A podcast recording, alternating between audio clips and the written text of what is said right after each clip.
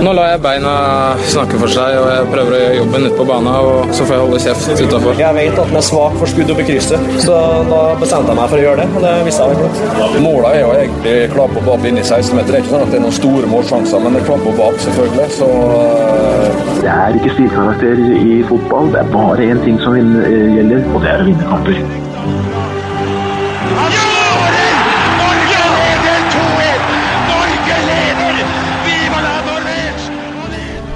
Viva la Norvège! Det var to treningskamper, men de føles likevel veldig veldig viktig, fordi det var to gode resultater. For det første 4-1 hjemme mot Australia. 0-1, altså borte, sterk borteseier mot Albania. Eh, og da er det Ja, vi skulle gjerne sett det var kvalikkamper, men, men viktige seier og ikke minst viktige prestasjoner. Det er så deilig! Uh, gode prestasjoner og hat trick og det ene med det andre. Lasse Wangstein, uh, begynn å prate.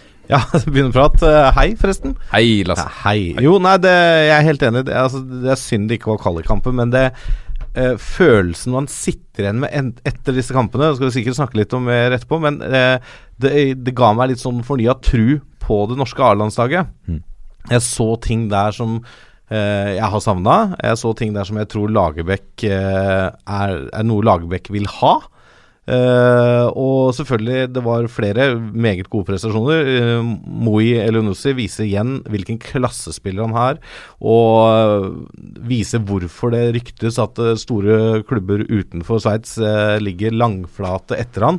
så det her var veldig mye positivt å ta med seg, og ikke minst så tror jeg vi kan si at vi har funnet den ene stopperen vår uh, for overskuelig fremtid. For det Kristoffer Ayer presterte over 180 minutter, uh, det var jo det vi kunne kanskje bare tørre å hoppe på, men som ja. vi har hatt litt inntrykk at det kanskje kunne komme, fordi han har prestert såpass godt i Celtic, også på europanivå. Uh, og jeg ser ikke noen grunn til at han ikke skal være førstemann på blokka i det midtforsvaret i hvert fall i 10-15 år fremover. Nei. Nei, og det, det, gikk vel både som du er inne på, det gikk vel både som vi trodde og som vi håpet med, med Christopher Ayer. Ut fra forutsetningen og det han har vist i Celtic, så klarte han å levere på det. Ja. Og det igjen altså viser uh, den mannen og evnen til å ta et uh, Ikke et nytt nivå, for at han uh, Jo, men det er jo det. Det er jo altså, et internasjonalt altså, nivå, ja. Landslagsnivå er jo et, et nivå Altså A-landslagsnivå er et annet nivå enn hva han har spilt på. Mm. Uh, og det er ikke helt det samme som å spille for fullsatt Celtic Park, selvfølgelig, men, uh, men, han viser igjen hvor voksen han er som spillertype, som, som, type. Han er bare 19 år, altså vi må ikke glemme det, men han var jo utpå der som han aldri hadde gjort noe annet. Mm. Uh, det så ut som han hadde masse erfaring, gjør masse riktige valg.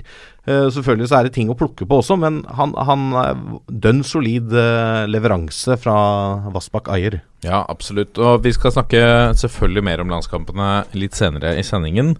Men vi skal også selvfølgelig snakke om uh, en del andre ting. Vi har fått en, uh, en uh, mail i e-postkassa uh, toppfotballat451.no som toucher litt innpå at det fortsatt er folk som er misfornøyde med at vi har med 4-1 og, og 0-1. Det, det, det, tror jeg du gleder deg til å angripe, Lasse.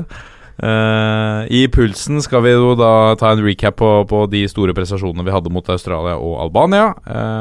og så skal vi se nærmere på Obos-ligaen, og hvem vi tror kanskje tar steget opp i Eliteserien. Det går mot jeg tror det går mot en meget jevn eh, liga på vårt nest øverste nivå. Eh, de har eh, seriestart nå som nærmer seg med et storm, stormskritt. Um, og vi skal også se selvfølgelig nærmere på neste eliteserierunde som sparker i gang. er det andre påskedag? Andre påskedag, stemmer. Helt riktig. Mye juice her, altså. Uh, har vi fått noen uh, konstruktive tilbakemeldinger på dette program? ja, vi har fått én uh, rating, som vi kaller det. Ja, riktig Overskriften er Telemarksstolthet. Fra 433 Og Skal det smelle, eller? Ja, vi får se. Nydelig pod. Det er fem stjerner, da. Ja, det er bra. Begrensa mye det kan smelle, kanskje. Mm. Nydelig pod om norsk fotball. Dere oppsummerer det som rører seg norsk ball på en veldig fin måte. Selv om min mann Fagermo får kjørt seg iblant, så er det greit. Det er eneste måten å holde han litt nede på. Ja, riktig. Ja, det er sant. men, han, men han, eh, Jeg tror han er glad i å bli kjørt litt. Ja, han legger jo litt opp til det sjøl, gjør han ikke? Ja. Dette er toppfotball. Så vi kommet til rundens øyeblikk, eh, og der eh, må vi ta for oss Altså det er vanskelig å trekke fram noe annet eh, fra helgen som var, eh, Wangstein. Fra, hvis vi snakker om, eh, om seriefotball. Eh, toppserien ble jo sparket i gang, som vi eh, snakket mye om i, i forrige episode. Og eh, det vi trodde skulle bli en jevn kamp på Intility Arena, det ble visst ikke det. Det blei en overkjøring eh, av en annen verden. Hva i all Eh, verden? Ja, nei, altså det Og rundens øyeblikk er vi nok enige om. Det er jo selvfølgelig Guro Reitens 5-0-skåring til LSK kvinner fra rett over midtbanen, hvor hun titter opp, ser at uh, keeper eh, Korpela er langt ute, og hun bare måker til. Og går en fin bue over, og det er, må jo Altså, det skal godt gjøres om det blir noe annen skåring som blir årets skåring i toppserien. Ja. skal, det skal jobbes litt for å, for å ta den, for det var en, en fantastisk prestasjon. Selv om keeper står langt ute, men det ser hun, og det gjør jo også prestasjonen bra. Ja. Men det er klart, eh, det resultatet er jo ikke pent for et hardtsatsende Vålerenga, som mange har tippa helt i toppen. Eh, vi snakka jo litt om det sist, med mm, toppspillerutvikler eh, Tom Jeg er så dårlig på navn, vet du. Tom Arne Stormo. Tom Arne Stormo, vet du. Hei, Tom Arne. Beklager. Eh, at eh, han tippa jo selvfølgelig da LSK på andreplass for å gi presset til Vålerenga, og Sånn som det funka. ja, det funka bra, men vi snakka også om at det kan være bra tid for LSK å møte Vålerenga nå. For Vålerenga har nesten ikke fått spilt inn den tenkte førsteelveren sin. Henta mye nytt. Det, det er ikke bare å knipse, som vi har snakka om med andre klubber òg, og så sitter det med nye, mye nye spillere. Men selvfølgelig, det resultatet der, det gjør vondt på Valle. Eh, det var ikke det de hadde sett for seg. De slo jo LSK i fjor i semifinalen i cupen på Intility bl.a., uh, med et helt annet lag. Eh, men jeg håper at eh, det blir så tett og jevnt som vi har trodd i år, da. At eh, selv om nå LSK har den eh, lille, eh, lille forspranget, at uh, Vålerenga våkner til live og kommer seg på beina igjen. For det, det er klart det er ikke noe særlig å være fotballspiller og starte sesongen med 0-5 når alle tror at du skal være helt, helt, helt oppe i toppen der. Nei, uansett en, eh, en veldig vakker skåring. Ja, den er det bare å gå inn og se på igjen og igjen og igjen. Altså det, og det var mye annen, andre flotte prestasjoner i den kampen. Det var, eh, det var rett og slett, eh, selv om det var, ble litt ensidig utover andre omgang, så var eh, det var mye bra fotball som ble prestert, da spesielt av LSK ut på Intility. Dette er toppfotball. Da har vi kommet til e-postkassa, og vi har fått en e-post fra en eh, fast bidragsyter som heter Birk Hegeland. Hei, Birk. Hei, Birk. Eh, han er Skiens eh, kar. uh, jeg tror han er Fagermo-fan, han òg. Å ja, vi skal snakke litt mer om Fagermo? Nei, ikke denne gangen. nei. Men, eh, men eh, han eh, oppsummerer hva han er veldig fornøyd med i kampene mot Australia og Albania. Jeg tror han er trener, eh, Birk, for et aldersbestemt lag i Odd. Um, men så påpeker han her at allikevel, etter disse to kampene, så er flertallet, opplever han at flertallet av den norske befolkningen, i hvert fall på sosiale medier, eh, at det er mye negativitet. At man snakker om at eh, um, at vi møter for enkel motstand, eh, at, men de andre landene er kanskje ikke interessert i å møte Norge. Eller møte sånn ræva fotball som vi spiller. Eh, og at man, eh, publikum tenker at jeg tror ikke vi skal venne oss til eh, disse type seire. Eh, og så lurer han på hva, hva skal til eh, for, for at norske folk skal tenke positivt om landslaget.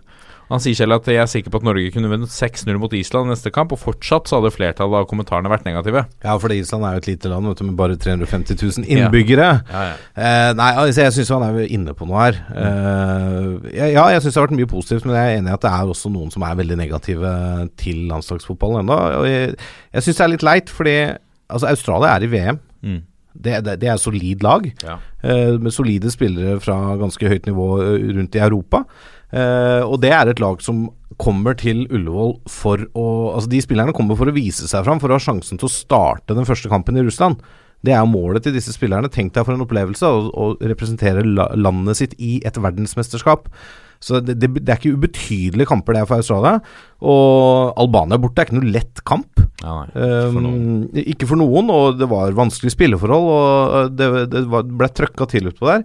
Så ja, ok, det, vi møter ikke Nederland og Portugal og England og sånne lag akkurat nå, men jeg tror dette er kamper som um, er viktige for Norge. For for å få mer inn i blodet hvordan Lagerbäck vil spille, og det syns jeg vi så litt til. Så jeg syns vi må ja, ta det litt- for det det er, men eh, det er ikke nødvendig å svartmale situasjonen uh, bare for å svartmale det, liksom. Altså det er uh, Vi er sultefora på gode opplevelser med landslaget, og da syns jeg vi skal ta de til oss. Og det, uansett hvem du møter, så er det bra for en fotballspiller å oppleve positive ting med det laget du spiller med. Eh, og nå får gutta med seg to gode opplevelser fra denne landslagssamlinga, som tar Det med seg lenge videre. siden de fått eh, Det er lenge siden de har fått én. Det er lenge siden de har fått i hvert fall to på rad. Ja, helt, eh, helt riktig. Og det, det er noe å ta med seg videre.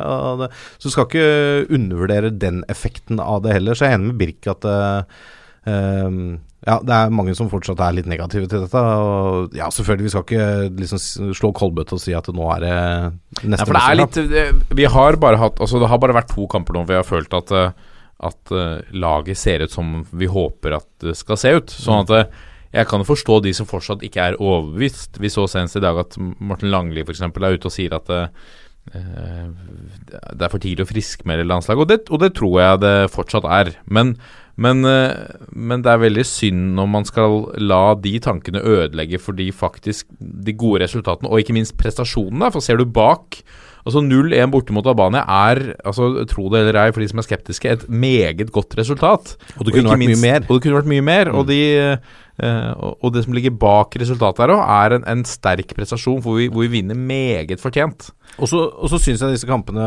viser at vi vi har flere strenger å spille på. Vi har flere spillere.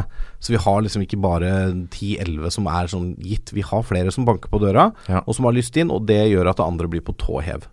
Så til skeptikerne da, så kan vi si at uh, fortsett, å, å, fortsett å se, da. Fortsett å følge med og se litt bak resultatene. Eh, og så håper jeg folk ser på matchene. For at, eh, hadde du sett de to matchene, så ser du strålende prestasjoner. Ja, det er helt klart. Jeg så også på Twitter at det var en som meldte Tenk om det hadde vært Twitter da vi slo Brasil i VM i 98. Å, fantastisk. Det kunne vært spennende. Det bør noen lage. Hva Ja. som har skjedd. Ja. Hva skjedde på Twitter? Nå kommer pulsen. Og da er vi kommet til pulsen, og hva passer vel bedre enn å uh, bygge videre på denne lille recapen vi startet på her, av uh, kampene mot Australia og Albania. Fordi vi sitter jo igjen med litt svar. Jeg får inntrykk av at Lars Lagerbäck også sitter igjen med litt svar her. Det, det som jeg tror han både fikk litt svar på, er, som du var inne på i stad, at jeg kan ha to av uh, førstevalgene på, på topp. øh, muligens borte, og fortsatt uh, klare å spille den type fotball som han ønsker, og, og uh, gjøre det bra.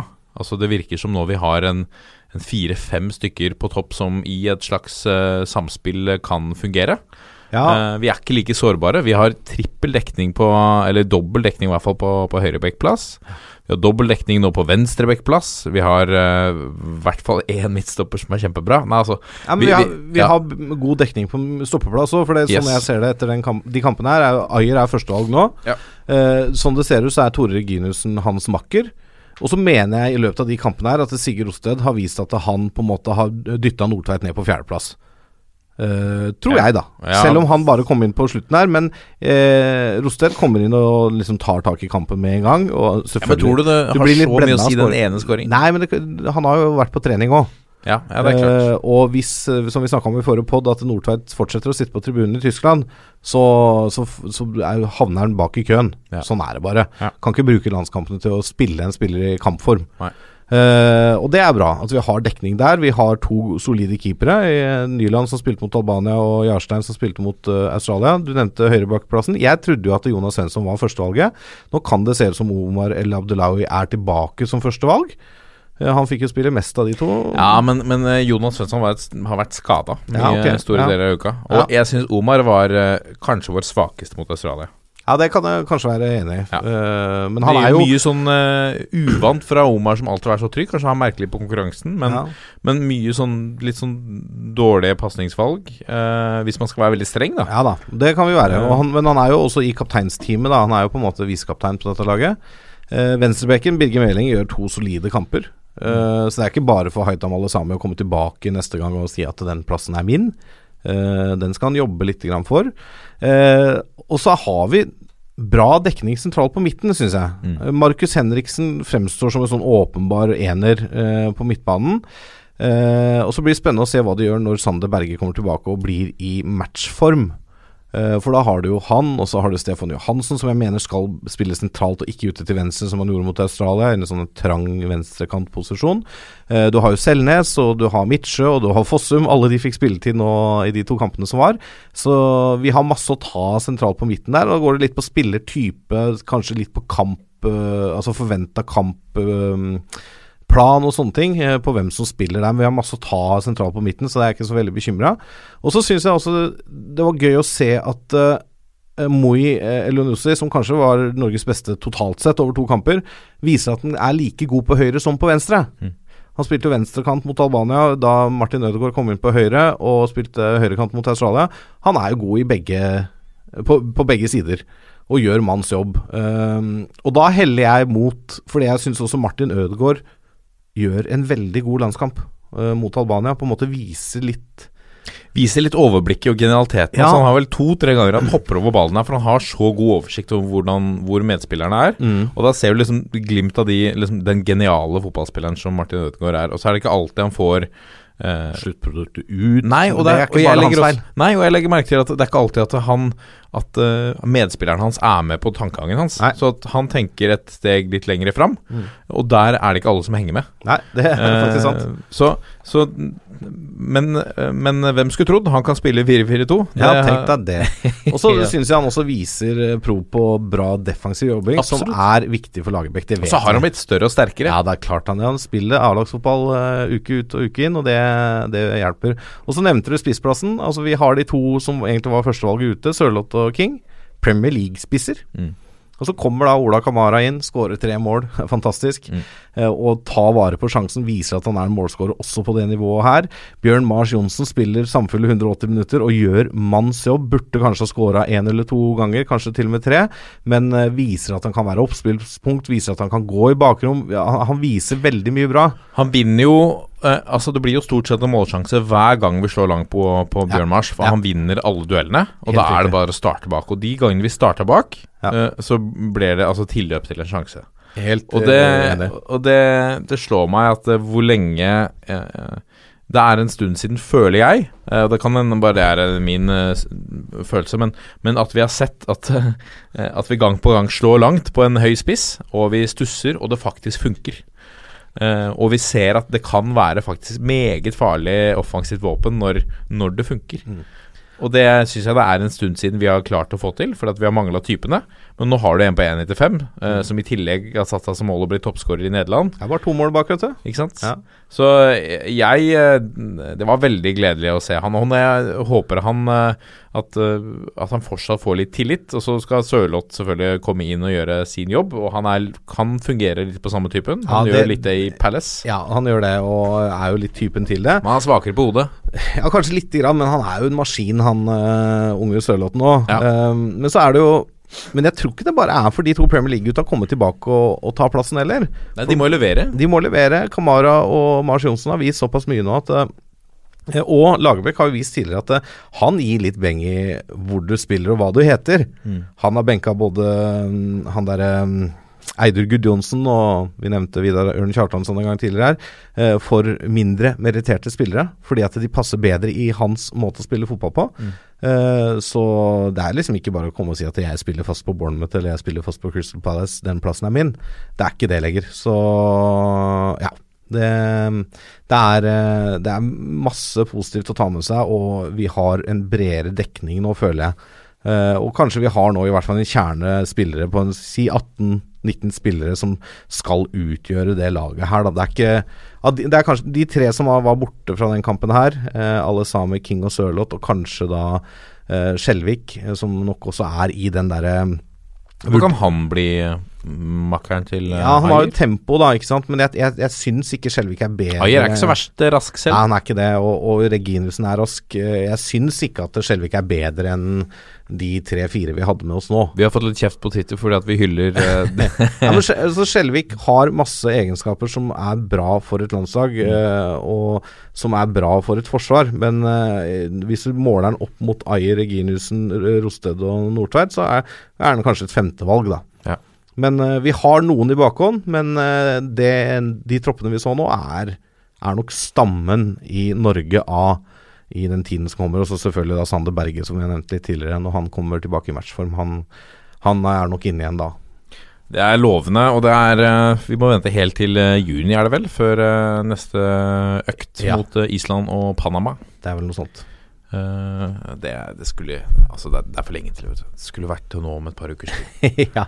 Smi mens jernet er varmt. Nå er det veldig moro å, å følge med. Hadde vært gøy gøy å ta tatt rotta på Island nå, altså. Ja, ja, ja, absolutt. Og det er jo Det er jo et veldig spesielt oppgjør for uh, vår venn Lars. Yep. Um, nei, eh, gode resultater, eh, gode prestasjoner. Dette lover veldig godt. Eh, er det noen som du ble litt skuffet over? Nei, det er vanskelig å Altså Jeg nevnte Omar i Australia-kampen. Syns han spilte seg opp. Ja. Ja, eh, Spørsmål Mm. til uh, vedrørende Håvard Nordtveit. Og vi vet uh, Lars Lagerbäck er kynisk. Ja. Uh, ved å ikke spille med Nordtveit, så mister vi jo et angrepsvåpen på alle Lange innkast. offensive kast. ja. Det gjør jo det. Tror du han har det Tror du det er et argument i hans hode? Ja. Det kan det fort være. Han er så kynisk. I hvert fall mot enkelt type, enkelte typer motstandere. Ja. Hvor man kanskje tenker at uh, vi får ikke så mange sjanser ut fra spill, så vi må satse på dødballer. Men klart det å ha en som kaster uh, hardt og flatt inn i feltet og skaper situasjoner. Da kan vi plutselig få en situasjon hvor han kanskje vraker, da. Uh, kanskje han vraker Joshua King og spiller med Håvard Nordtveit for å få lange innkast på Bjørn Mars. Ja, det kan godt hende. Men Jeg, jeg liker at vi har en, en, en smart uh, type. Han er ikke så veldig så romantisk, Lars Lagerbäck, men han er en, en kyniker. Nei, men altså det, Det viktigste er å vinne. ja, og det er det. Det viktigste, mener jeg, for landslagsfotballen er å vinne kamper. Ja. Jeg er litt grann, uh, Det er ikke så farlig for meg hvordan de seierne kommer, så lenge vi vinner kampene og tar oss til mesterskap. Da kan du nesten holde på akkurat som du vil, altså. Dette er toppfotball. Og der er vi kommet til eh, vår eh, gjennomgang som skal eh, gi deg alt du trenger å vite. I hvert fall nesten. I denne Oslo omegn bolig- og sparebankliga. Må ikke, må ikke selge din for høyt når vi mangler tross alt Jørgen Kjernås i dag. Ja, det er sant. Jørgen Kjernås har. Ja, disse ekspertene våre har påskeferie. Tenk deg det. Tenk, tenk deg det. Pri- Prioritere det Yes. foran det her. Istedenfor å spille inn påskepod. Vi, men vi får eh, gjøre vårt beste, da, Wangstein. Det er det beste vi kan. Med våre begrensa ressurser. Uh, vi har jo litt oversikt over eh, idrett, vi også. Eh, hva, hva er dine umiddelbare tanker om årets uh, Obos-liga? Nei, Jeg tror dette blir en kjempespennende sesong, hvor det er eh, opptil flere lag som kommer til å kjempe om de to direkte opprykksplassene. Eh, og jeg tror også det kommer til å bli ganske tett om eh, å unngå nedrykk. Eh, så det er sånn Jeg ser for meg en sesong med noen definerte topplag, noen definerte bunnlag, og så en sånn smørje i midten som, ja, som er akkurat det, en litt sånn smørje som ikke kan verken rykke opp eller ned når det begynner å sette seg. Eh, så jeg har liksom pekt meg ut noen lag da som jeg tror kommer til å vake der nede, og noen som kommer til å duppe litt der oppe.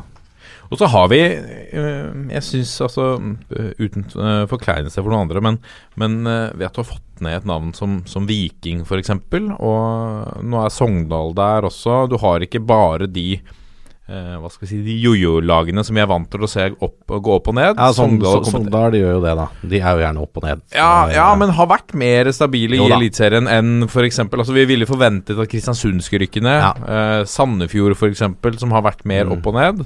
Eh, nå er Ålesund der. Du har Sogndal, du har Viking. Ja da. Eh, Og du har noen solide Obos-lag som har gjort det bra i Obos-ligaen over tid, og som også har vært og lukta på opprykk, og også sågar rykka opp og så ned igjen eh, tidligere, sånn som Mjøndalen. Eh, men det er jo lett å tenke da, at det er Sogndal, Viking og Ålesund som er de klare kandidatene for å kjempe om eh, opprykket. Litt i kraft av at de ryka ned i fjor, Ja. og litt i kraft av at de har bra med ressurser. Men jeg tror også vi skal se opp for Mjøndalen og Ullkisa, og også Sandnes Ulf. Jeg sliter med å avskrive Sandnes Ulf oppe i toppen her, så jeg tror det er liksom de seks da som kommer til å utgjøre kampen om opprykket. Ja. Så blir det spennende å se hvor vi plasserer dem, selvfølgelig. ja, med, Sandnes Ulf altså, Bengt Seternes han drev og surra med å, å utvise spillerne de måtte trene til reserve, på reservelag og sånn. Da var jeg ganske sikker på at han kom til og at han var på vei ut. Ja, det var vel som Joakim sa, at det, det er ganske god eh, stemning mellom Bengt Seternes og han klubblederen. Ja, i, Så sånn det spiller ikke så stor rolle hva så- spillerne sier. Nei, han han sitter forholdsvis trygt. Men det er klart, blir det mye dårligere resultater, sånn som det var på høsten i fjor, utover nå i vårsesongen i Sandnes Ulf, så kan det hende at han eh, sitter litt utrygt. For Sandnes Ulf er et lag som jeg tror både publikum der og de selv forventer at de skal være med og kjempe om noe i år, i hvert fall. Ja. Eh, og da ikke kjempe om å unngå nedrykk, men kjempe om å rykke opp. Eh, så de har et visst press på seg der, selv om de kanskje kommer litt som en sånn dark horse eh, på en måte i år, da. Men at de skal være med å kjempe om en kvalik, er jeg ganske sikker på. Synes jeg jeg må trekke frem også Jeg syns det er gøy å ønske HamKam velkommen eh, til neste øverste nivå igjen, etter tre år i annendivisjon. Ja, det De surfa gjennom en rekordhard uh, annendivisjon i fjor. Ja, de gjorde det, men de Jeg følte kanskje at HamKam er et, var et lag som spilte på et nivå litt lavere enn der de skulle være. Noe som vi kanskje kan se med Fredrikstad i andredivisjon i år. Um, og jeg tror HamKam kommer til å klare seg veldig greit i Obos. Jeg tror ikke de blir noe kasteball uh, der nede på nest øverste nivå. Nei. Skal vi rett og slett begynne helt uh, i bunn, eller? Ja, kan gjøre det. Uh, Der er det jo kanskje lett å tenke at det er lag som Åsane, Nesotra, Florø, Notodden og Levanger da, som kommer til å rote nede der. Eh, Selv om jeg tror kan komme noen overraskelser der og har eh, vel satt opp at Notodden eh, kan overraske litt i år.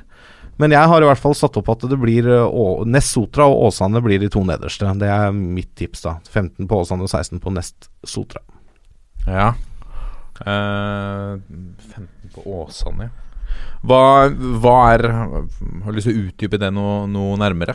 Nei, det, det, går litt grann på Altså, ressurser har alltid litt å si i fotball. Altså budsjetter, eh, hva du kan eh, spe på med og sånne ting. Og så føler jeg kanskje at det, i hvert fall det Nå skal ikke jeg si at jeg kjenner Åsane ut og inn, det gjør jeg ikke. Og jeg tar jo helt sikkert feil på veldig mange av de tipsa her, som jeg ofte gjør. Men jeg, jeg bare føler at eh, stammen i det laget Altså, de har et helt greit, en helt grei elver, men kanskje mangler litt bredde, er inntrykket mitt når jeg ser eh, stallsammensetningen der borte, da. Eh, så det er, men må, noen måtte jo settes der, og da blei det de. Um, og så, ja.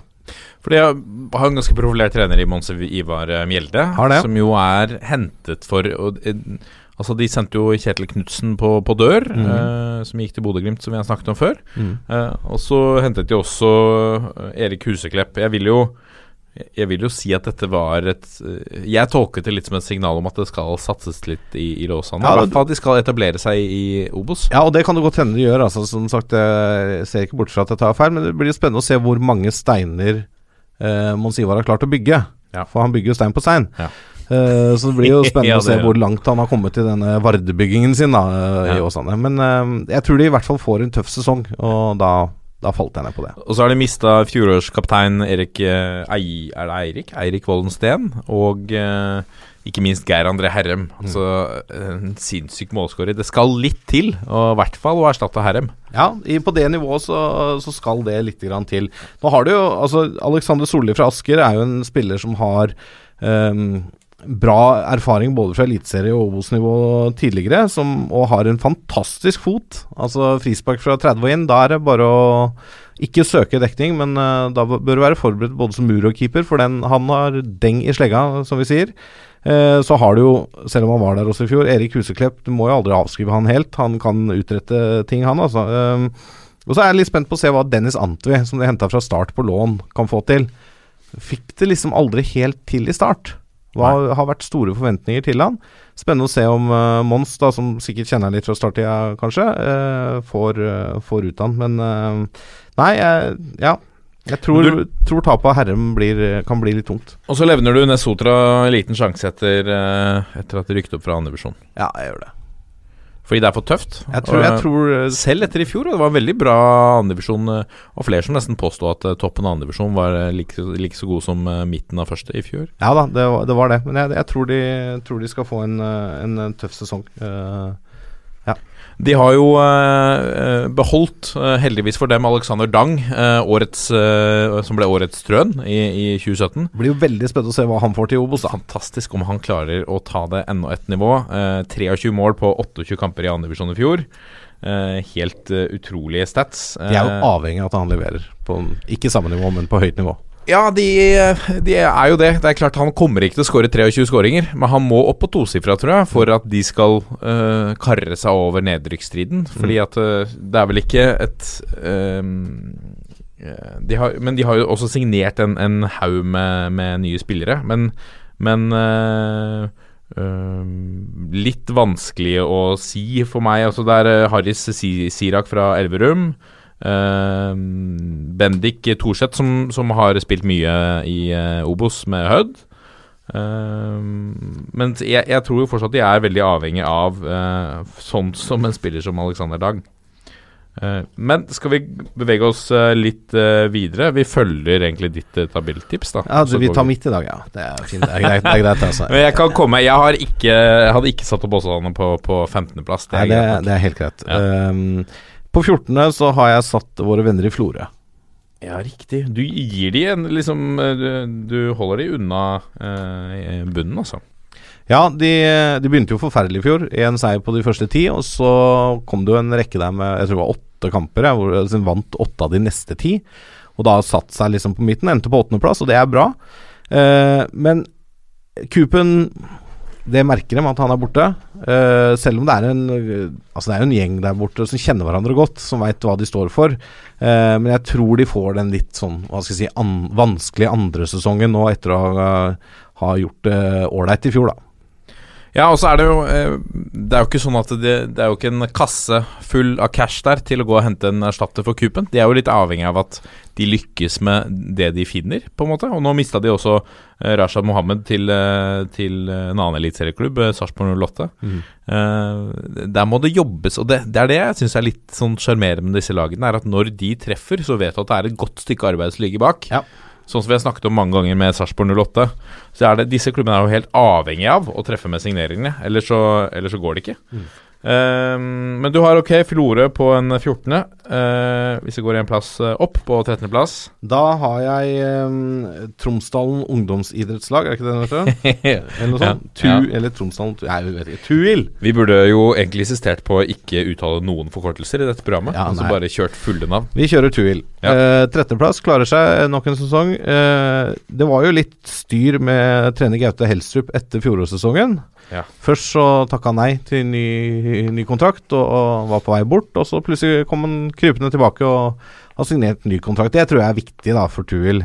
Um, men det, er, det har ikke skjedd så mye i spillerstallen i løpet av vintersesongen. De, de har den samme stammen og har noen meget dyktige uh, Obos-spillere der, og er vanskelig å møte opp på krøllgresset sitt i, i Tromsø, eller i Tromsdalen, da. Uh, men uh, ja, jeg tror de havner litt over nedrykk, men må kjempe litt med ryggen mot veggen i, i, løpet av året. Ja.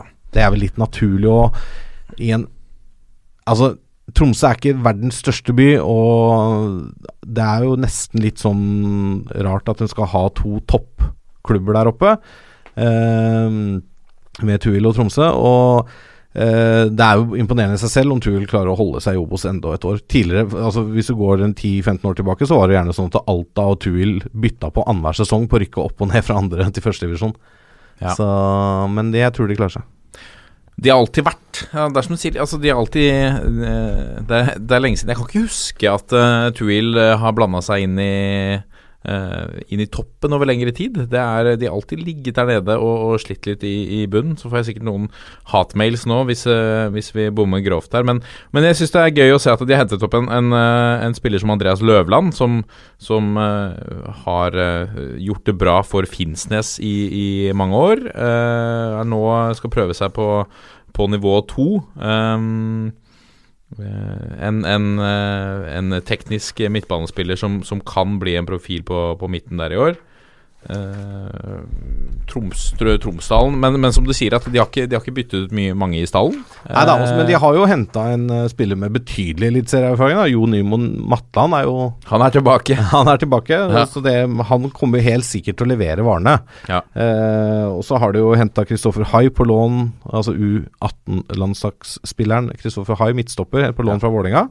så blir det spennende å se hvor mye han får spille, og hvordan han utvikler seg. Men ja, nei, de, de klarer seg, men eh, de får det litt, litt småtøft, tror jeg, da. Hvem har du på tolvte, da? Da har jeg det laget som endte på syvendeplass i fjor, eh, og det er Levanger. Mm. Eh, det er jo De har mista kapteinen sin, Erik Tønne, som har gått til eh, Ranheim for å spille eliteseriefotball. Og det har også Bent Sørmo gjort.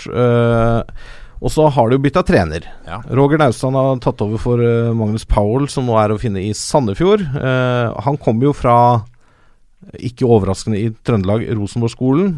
Eh, så det blir jo fort en 4-3-3 der nå, istedenfor den 4-4-2 de spilte i fjor. Eh, Jakob Feilund blir nok keeper igjen i år. Han er bare 18 år, utleid for uh, Rosenborg. Får nok en sesong i Obos-ligaen til å utvikle seg. Det tror jeg er en, bra arena for han, og han er Han gjorde jobben sin i fjor, altså, eh, for Levanger. Eh, så det er en solid keeper de har der. Eh, og så er det jo Robert Stene, da. Spissen. 34 år, signerte ny kontrakt eh, rett eh, rundt jul. Uh, tar i hvert fall et år til i Levanger, og skåra vel nesten halvparten av måla der oppe i fjor. Legende, den mannen der. Ja, han er jo det. Så det er jo, de er jo litt avhengig av at han uh, han fortsetter å levere varene, selvfølgelig. Men jeg tror det blir litt tøffere for Levanger i år, men også at de klarer seg ganske greit. Altså. De har henta inn bl.a. Viktor Jung, en svenske, og finske Hampus Holmgren, som begge kommer fra, fra Er det ikke Superettan i, i Sverige? Jo. Um, de, de har jo litt eh, Mange vil si at altså de, det var ikke fyrverkeri over, over fotballen deres i, i fjor. Og så vil mange si at kanskje de litt ufortjent havna på en, en syvendeplass, som de i hvert fall skal være veldig godt fornøyd med. Ja, men det var veldig, veldig tett i Obos i fjor. eh, på, fra sånn sjette, syvende og nedover. Ja. Eller egentlig kanskje fra syvende og nedover. Det var, øh, det var jevnt, da. Så det var lite som skulle til om du havna på syvende eller ellevte, på en måte. Kanskje de mangler noen forsterkninger. Eh, stallen ser litt eh, tynn ut, uh, muligens. De, De- trenger et par på et par plasser. Og så Treneren er også veldig uerfaren. Ja, men også føler jeg også de driftes på ikke helt likt som eh, Ranheim, for det er jo ikke bare trøndere der. Nei. Men eh, det er litt den samme Altså, det skal være en viss lokal uh, stamme i laget, og uh, det er jeg jo glad i når man får til det. Så har de jo flytta eh, et navn som vi kjenner godt i Jo Sondre Aas, som har blitt omskolert fra midtspiss til dyptliggende playmaker. Er, du er vant til en sånn type Det har fungert med Daniel Fredheim Holm, selv om han var mer ute på kanten. Ja, han var mer ute på kanten, men han spilte jo litt spiss og tierrolle før òg. Jo Sondre Aas er jo kanskje enda mer fysisk enn Fredheim Holm. Uh, alltid vært en sånn sett på han som en sånn panserspiss-type. Men det blir spennende å se. Han har sikkert mye fotball i seg. Vet du. Det spille en sånn dyptliggende rolle, så å være fotballklok er aldri feil. Nei. Sa du Jakob Feilund forresten i stad? Eller det- sa du Julian? Jeg, det, det er mulig jeg sa Jakob, men jeg mente Julian. Er ikke det Jakob? Det er ikke han sponsorsjefen? Uh, nei. Okay. nei, nei. Det er Jakob Lund, ja. Okay. Men han, jeg, jeg tror Julian har en bror, skjønner du. Å, ja, riktig. Jeg, jeg også Ja. kjenner igjen Jakob. Ja. Som spilte i Vålerenga en gang. Ja. Eh, Videre, plass nummer 11. Plass nummer 11, der eh, har jeg satt opp et lag som hadde en helt forferdelig avslutning på sesongen i fjor. Hvor de hadde én seier, fire uøvert og fem tap på de siste ti, men allikevel holdt seg godt unna eh, nedrykkstiden med 11.-plass. Eh, eh, der vår venn eh, Trøen, Martin Trøen, spiller. Strømmen har jeg satt på 11.-plass. Um, det Ja, de, de, de kan jo ikke fortsette som i høst. Det er åpenbart. Men det sies at Trøen har vært uh, trent bedre enn noen gang i vinter. Uh, det lover godt. det lover godt for strømmen. Uh, da kan det fort bli en del kasser der oppe. Men ja, 11. er vel omtrent på det nivået strømmen skal ligge på. Jeg tror ikke strømmen er et sånt lag som nødvendigvis har Altså Alle har jo lyst til å rykke opp, men jeg tror ikke Strømmen er et sånt lag som må for alt i verden rykke opp eh, hele tiden. Men de har lyst til å holde seg der de er, altså i hvert fall være trygge der de er, da. Ja. Gjort det meget skarpt i, i treningskampene. Nå eh, rundet de av med eh, Eller de har kanskje en kamp til nå for seriestart. Nei, det har de ikke. Nei, jeg tror ikke det. uh, men de tapte nå uh, 1-3 mot uh, Sarpsborg 08 eh, Ja. nå sist. Men før det så så står de med Altså De har en 3-1-seier mot Sandefjord, 1-1 mot Jerv, 4-1 mot Tromsdalen, Mm. 2-1 mot Skeid, eh, 2-1 mot HamKam. Altså det er eh, mye bra resultater. De slo jo også eh, De slo jo også Stabæk i eh, Nei, ja, Stabæk i eh, begynnelsen av februar. Jo da, skal, så er det liksom hvor mye du skal legge i treningskampene. Men de har jo de Masse. Har, ja, masse. De har jo masse, eh, apropos masse, de har jo masse angrepsspillere. da. De har jo henta Sebastian eh, Pedersen på lån fra Godset. Han gikk jo til Godset fra Stabæk. Bror til Markus. Ja. Og Sindre Maurits Hansen, som er på lån fra Stabæk. Eh, Dette er jo også to spisser som har scora mye i lavere divisjoner, som Trøen har gjort tidligere. Så det blir jo konkurranse om plassen for Trøen der. Han må jo levere for å holde de eh, sultne unggutta bak seg. Ja, og de har scora i hvert fall mer enn en Trøen i preseason her. Uh, jevnt og trutt både Maurits Hansen og Sebastian Pedersen. Det blir uh, De er godt forspent på topp, Strømmen. Ja, og eh, Espen Olsen har litt å ta uh, framover, i hvert fall. Ja. Men de har jo mista kaptein og midtstopperbauta Steine Strømnes til Stabæk. Eh, Ja. Det tror jeg de kommer til å merke litt. Ja. Ble en ellevteplass i, i, i eh, fjor, selv om de lå jo på Etter 20 runder så lå de på kvalikplass, men du gir det ikke noe mer selv om de har forsterka sterkt på, på spissplass. Ja, men ja. Nei, jeg gjør ikke det. Nei. Kort, kort og greit. Kort og greit. Tiendeplass, eh, Lasse? Ja, eh, der har jeg den eh, overraskelsen. Det må jo alltid være en overraskelse, må det ikke det? Ja, Skal du ha Notodden der? Ja, jeg gjorde det. Eh, Det er veldig høyt. ja, det er, det er helt sikkert Men jeg, så, du er jo ekspert, så Nei, det er jeg ikke. Men uh, det var litt sånn magefølelse, det her òg. Ok. jeg tror de fikk en veldig opptur da med opprykket. De har jo en forholdsvis erfaren mann på trenerordet, Kenneth Tokken. Altså, han, eh, han kan jo sin fotball, Ja. uh, unge, lovende Dokken. Eh, det blir jo en kjempeoppgave for dem. Men hvis Notodden får litt flyt, da og, altså, Dette er jo litt sånn satt opp fordi jeg kunne jo satt opp uh, enda mer kynisk, men jeg tenker at vi må ha noen overraskelser, og da falt jeg ned på Notodden, altså. Ja. De, de har greit med ressurser. De har henta noen spennende spillere. Um, annet Akinbola Akinemi fra Nessotra. Uh, nå har de mista Erik Kitolano, som har gått til Ullkisa. Eh, men uh, Og så har de jo henta han eh, Michael Ledger fra Viking, han 20-årige midtstopperen. eh, som jeg tror kan forsterke det Notodden-laget ganske godt. Så jeg ja, bare en sånn liten gut feeling på at eh, de kan finne på å overraske litt. ja, det var han som var i Sunderland.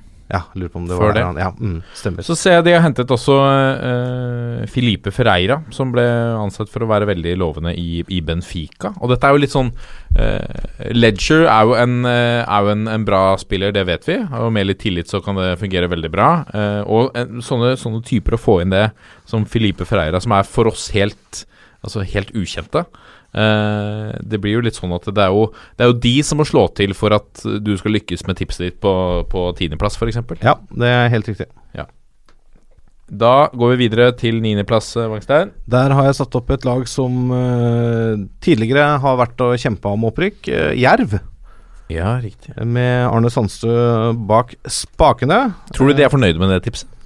Nei. Nei. Altså, de har vel to eliteseriekvaliker på rad, øh, omtrent. Uh, nei, i fjor var det 13.-plass. Ja. I fjor datt det litt. Ja. Men før det så hadde de jo det. Nei, jeg, jeg tror jo ikke det, men øh, det blir jo spennende å se hva de får til. De har jo bl.a. henta en øh, notorisk målskårer, vil jeg si, i Aram Khalili. Som er en sånn spiller du har hørt, i hvert fall jeg liksom har hørt om i mange mange år, og liksom alltid vært Bryne denne Brynespissen da, som har skåra masse mål, og du har venta på at skal ta det ekstra steget. Kommer da Skåra vel 13 mål der i fjor. Um, har tidligere spilt i Start under Sandstø, så de kjenner hverandre godt. Uh, de har mista Mikael eh, Og... Å, jeg er så dårlig på navn. Ogunbaro uh, til Start. Ja. Mens eh, Thomas eh, Sernikov og Isak Lidberg har kommet andre veien, da. Eh, så Ja. Glenn Andersen tar en sesong til. Det, han er kaptein, det er ikke eh, gærent, det. Han er en solid spiller med masse erfaring, eh, også fra Eliteserien. Eh, så ja, jeg tror de havner eh, midt i den derre smørja som er eh, et stykke unna Erik, og også et stykke unna kvalik. De hadde jo en type som Eriksson Danso, som vi omtalte litt i, i fjor, som, som hadde et veldig godt Han var veldig god når han var god, Mm. også, men altfor uh, Man så det litt for sjelden. Eh, I tillegg så så, mm, så De prøvde seg jo, de eh, Ref, ref f.eks. Danso, så prøvde de seg med en, en rekke nysigneringer som kanskje ikke slo til 100 Ehm, og det virker som nå at de har uh, safa litt mer på overgangsmarkedet. Ikke, ikke prøvd å uh, Ikke prøvd seg på de mest vågale signeringene. Men noen som har uh, handla litt uh, friskt, og har tenkt til å i hvert fall etablere seg i Obos-ligaen, det er uh, nevnte HamKam. Ja.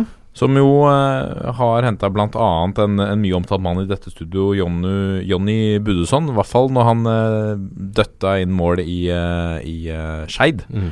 Og så har han slitt med å finne, finne skåringsformen både i Altså i Haugesund fikk han jo knapt spille. I Fredrikstad gikk det ikke veien. eh, og nå blir det spennende å se om, om det skal funke i HamKam. Mm. Eh, de har jo mistet uh, Markus Naglestad, som har eh, forsvunnet. eh, det ryktes om noe PostNord eh, eller noe lignende. Ja, han eh, forsvant jo fordi han hadde lyst til å prøve lykken i USA. Han har en kjæreste derfra. Ja. Uh, har vel ikke lykkes på å finne klubb, så nå eh, ryktes at han er aktuell for Hødd i PostNord. Ja. Uh, det er li kanskje litt sånn rar eh, karrierevei når du har hamra inn mål for HamKam tidligere, men det kan, kan det hende at HamKam på en måte lukka den døren når han forsvant, at eh, de ikke hadde lyst til å hente den tilbake igjen, eller at de følte at de var godt forspent uh, på spissplass. Ja, han, sk- han skåra jo veldig mye mål før han ble henta til, uh, til eh, Sandefjord. Uh, en overgang vi også snakket en del om, og så fikk han lite tillit der. Så skåret han åtte, nei, ni mål på åtte kamper da han kom til HamKam i fjor. Ja. Så kan det vel hende at han ser for seg nå at det blir tøffere å kamp om spissplassen med bl.a. Jonny Buddusson inn. Um, for øvrig så har det henta Abubakar Aliyu, uh, Ibrahim fra Start, som er kommet på lån ut sesongen. Uh, etter lån til på Orri Sigurdur uh, Omarsson fra Sarpsborg 08. Eh, Lars Brotangen fra Kjelsås. Altså de Og Marco Pris Jørgensen, uh, Mjøndalen-keeperen, har de henta? Litt uh, pussig Det er ikke noen førstekeeper, eller? Jeg vet ikke, men han har jo spilt eh, en del Obos-fotball og har jo bra erfaring, så det er ikke Ja, det er, det er vanskelig å, å, å si hva de tenker da i, i, på sånne type overganger, men det, det er nok noe ved han som gjør at han kan passe inn i HamKam, Ja. uh, som jeg da har på åttendeplass. Um, og dette er jo et lag som jeg syns er veldig vanskelig å tippe på hvor de havner. Men det, det, det er, jeg syns det virker som et lag som på en måte Jeg nevnte litt i stad, kanskje har spilt på et nivå de ikke burde være på. og Rigga seg til for Obo-spill. eh, har, har en del uh, spennende spillere. Um, og da Altså, selvfølgelig unge Solbakken. må du jo ikke Ja, glemme i det, den uh, situasjonen. Han må du se litt opp for, tror jeg. Markus. Ja. Eh, sønn, sønn av sin far, Ståle. Um, så og, det, altså Ivar Solli Rønning Han skåra 18 mål i fjor på 25 kamper. Han må jo levere varene, selvfølgelig. Eh, men jeg tror de klarer seg greit altså, i Obos. Eh, det, er- det er en solid, et solid fundament der oppe på Hamar nå, føler jeg. Så Kevin Knappen skal, skal gjøre mye gærent eh, om ikke de holder plassen. Trener Kevin Knappen. Et av de bedre trenernavnene vi har i Obos-ligaen.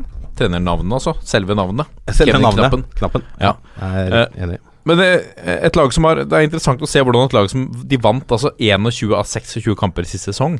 Hvordan de nå takler til at det er tøffere kamper. Altså Det er ikke Det er ikke en walk in the park eh, lenger. Så har de signert kanskje de, eh, eh, de spillerne inn nå som gjør at de klarer å ta det neste steget. Men de må fortsatt finne seg i å, å gå på flere poeng, poengtap, uten tvil. Det er Ja, ja. ikke noe eh, det, er, det er tøft i toppen i Obos-ligaen. Det er det, også, men så har du en fin miks, syns jeg, av erfaring og ungt uh, lovende. Altså På andre sida av Markus Solbakken så har du Petter Vågan Moen. Ja, ikke sant. Mjøsas Beckham Mjøsas der, altså. Lurer på om han fortsatt eh, går under kallenavnet. Å ja, det kommer han alltid til å gjøre, og den foten funker nok fortsatt. eh, Jeg tror ikke um, en fininnstilt eh, venstrefot er det som eh, eh, forvitrer først på en fotballspiller. Nei. De har prøvd seg på litt uh, Obos-motstand nå i treningskampen også. Nå sist så slo de Florø 2-0. Uh, to mål av uh, Jonny Buddusson. Så han har begynt skåringsballet for sin nye klubb. Det er jo litt eh, godt å se. Det er jo en litt eh, Etter at vi hadde Tom Nordli i studio her, så mm, snakket han litt om at det er en spiller som han trenger eh, ro og, og stabilitet i omgivelsene sine for å levere, og er en spiller som enten kan gjøre det veldig bra eller helt forferdelig. Ja, Og trenger nok også den selvtilliten da, som de gir, å skåre mål, selv om det bare er treningskamper. Ja, så slo de eh, Åsane 2-1 uka før, eh, rett etter at de hadde slått fram Larvik med 4-1. Jeg tror de har, har de ikke slått Sogndal i vinter òg? De slo Sogndal Ja, det vet jeg ikke. Vet de slo Løten 6-0. Oi, oi, oi. Det må Jeg få det står respekt av det. Ja. Nei, de tapte 2-1 mot Sogndal. Sorry. Ja, ja, det kan være. Ja. Vi går videre til eh, plass nummer syv, eh, Lasse Wangstein. Der har jeg satt opp eh, det laget som HamKam elsker å slå og hater å tape mot, og vice versa. Da blir det Kongsvinger. Ja. Eh, selvfølgelig har jo de Det blir en interessant duell også i år. Ja, det blir det. De har jo selvfølgelig fått en, en litt spesiell oppladning med bortgangen til Adrian Lillebekk Ovelin, som vi snakket om i forrige episode.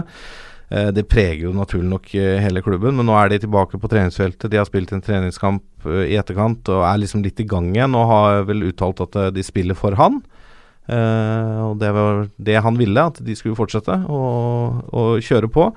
Um, ambisjonene der oppe er nok uh, høyere enn kanskje det de viste i fjor, hvor de havna på tiendeplass. De hadde en, uh, en ganske trå trå start, kan vi vel si. Det var vel lenge rykta til Hans Erik Eriksen, som har fått til mye follo. Eh, satt utrygt, men han er der fortsatt, og er jo en trenertype som har en veldig klar tanke om hvordan han vil spille fotball, og, og er veldig tro mot det. Eh, og når den type fotball funker, så er det veldig gøy å se på, og, og kan få til veldig mye. Eh, så det er eh, jeg tror eh, De har henta Olav Øby bl.a. fra Sarpsborg. Eh, Det er jo en solid signering på det nivået her. Eh, De har jo Edvard Skagestad eh, fra FFK, som har masse eliteserieerfaring bl.a. med Ålesund. Eh, Så de har en, en solid tropp. Og så har de jo masse keepere. I dag har de henta Simon Thomas fra Bodø-Glimt bl.a. Ja. Eh, Så det blir jo en Det er masse keepere, det er interessant. Ja. Jeg vet ikke hvor mange det er, men jeg tror det er sånn fire-fem potensielle A-lagskeepere der oppe nå. Så det blir jo nok å gjøre på keepertreneren i hvert fall. Så har de henta en interessant uh, høyrebekk som vi har snakket om en del om også, Ridwan uh, Esaye i, eh, Fra Skeid, ja. fra Skeid, Mm. som, som jo de har lukta på i flere sesonger nå. Ja. Uh, og som, som nå endelig da tar et uh, steg opp.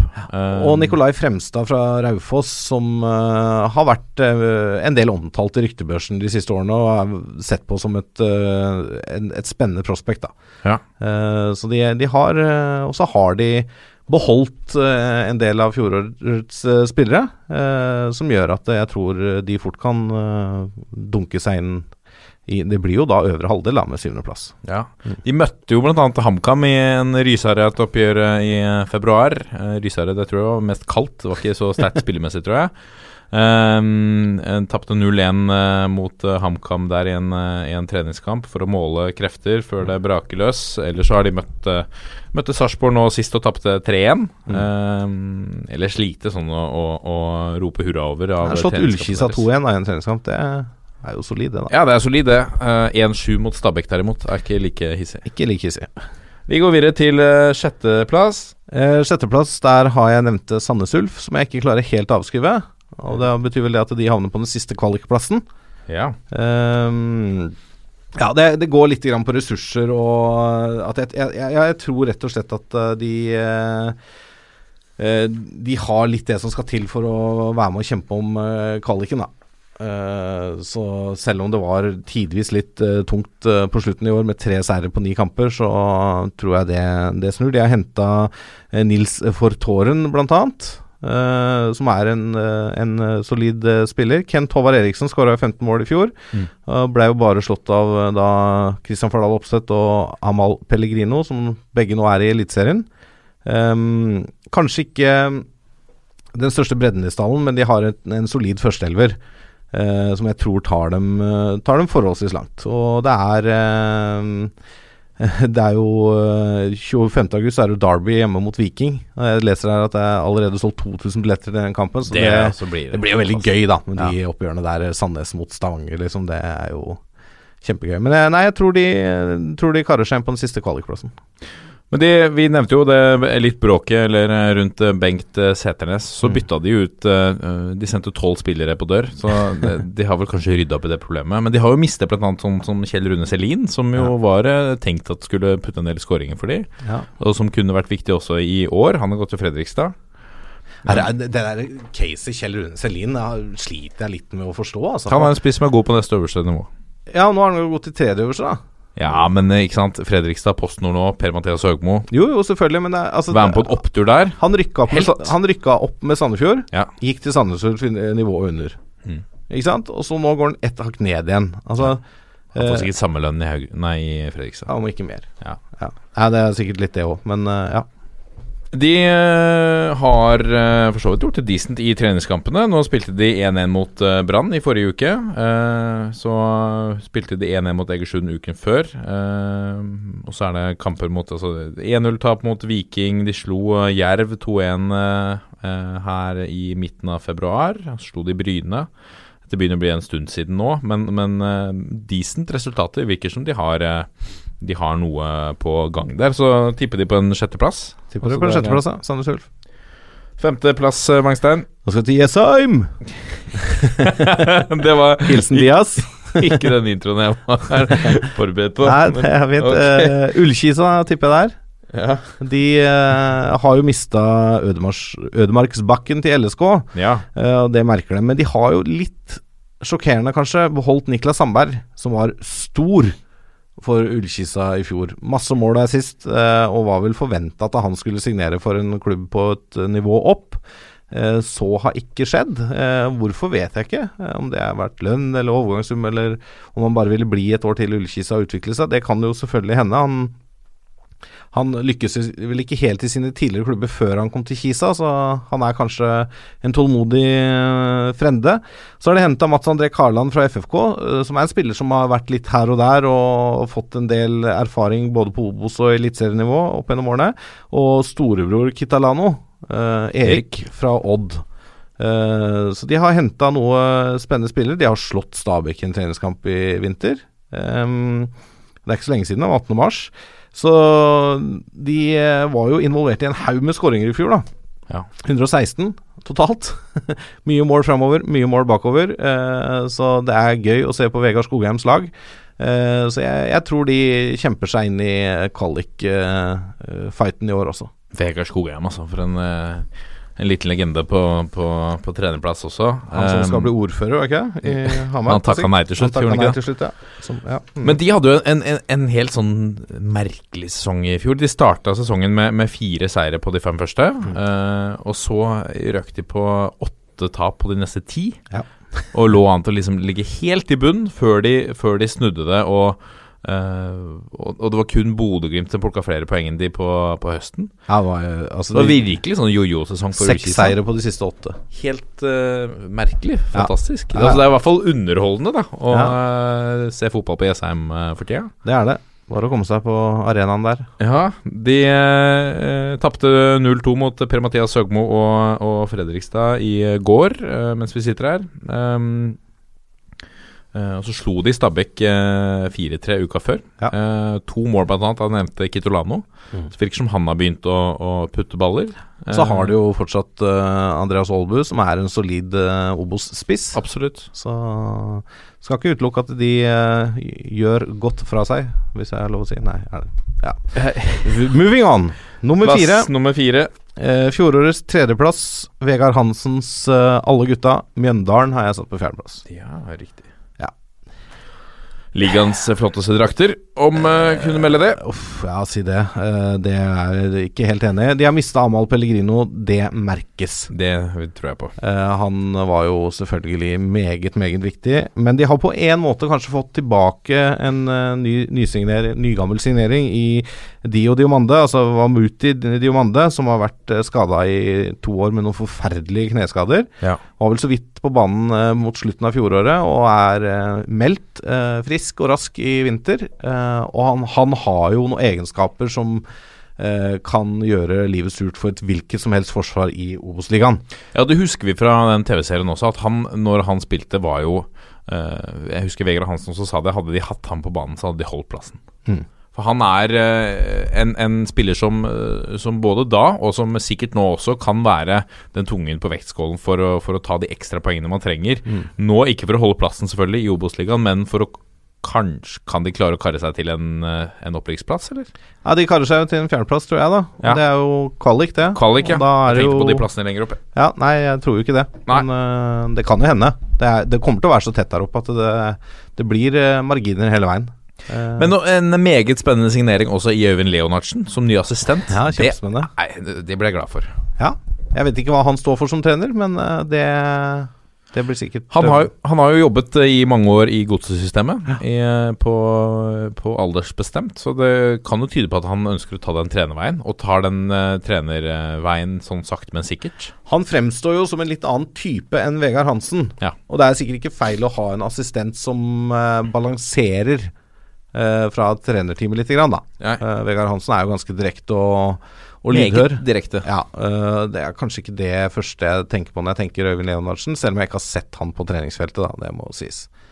Men, Nei, uh, altså Jeg ser på Øyvind Leonardsen som en fyr som kan fotball. Ja, ja, åpenbart. Og det, det tror jeg de har godt av. Jeg tror uh, kanskje at noen ganger i Mjøndalen så blir det litt mye Vegard Hansen som står og skriker, og litt eh, Altså det, det er begrensa hvor mye du kan drive en sesong bare på, basert på motivasjon og aggresjon. Og det er litt inntrykk jeg sitter med, spesielt kanskje etter den serien. Ja. Eh, men også litt hvordan han snakker fotball. At, at det er eh, Når det funker med Mjøndalen de, de spiller på enkle ting, men når det funker, så går det veldig bra. Men så har de ikke noen plan B. eh, er litt mitt inntrykk, da. Så det er kanskje, en, en, eh, kanskje nettopp denne signeringen til Leo eh, Kan bidra til det. til at de har et litt bredere spekter. De har jo hatt en fantastisk vinter, bortsett fra 0-5-tapet mot Godset her for ikke så lenge siden, så har de vel da åtte Åtte seier eller noe sånt på ni forsøk. De slo jo bl.a. LSK her nå nylig 2-0 i en treningskamp. Ja. nå i landslagspausen.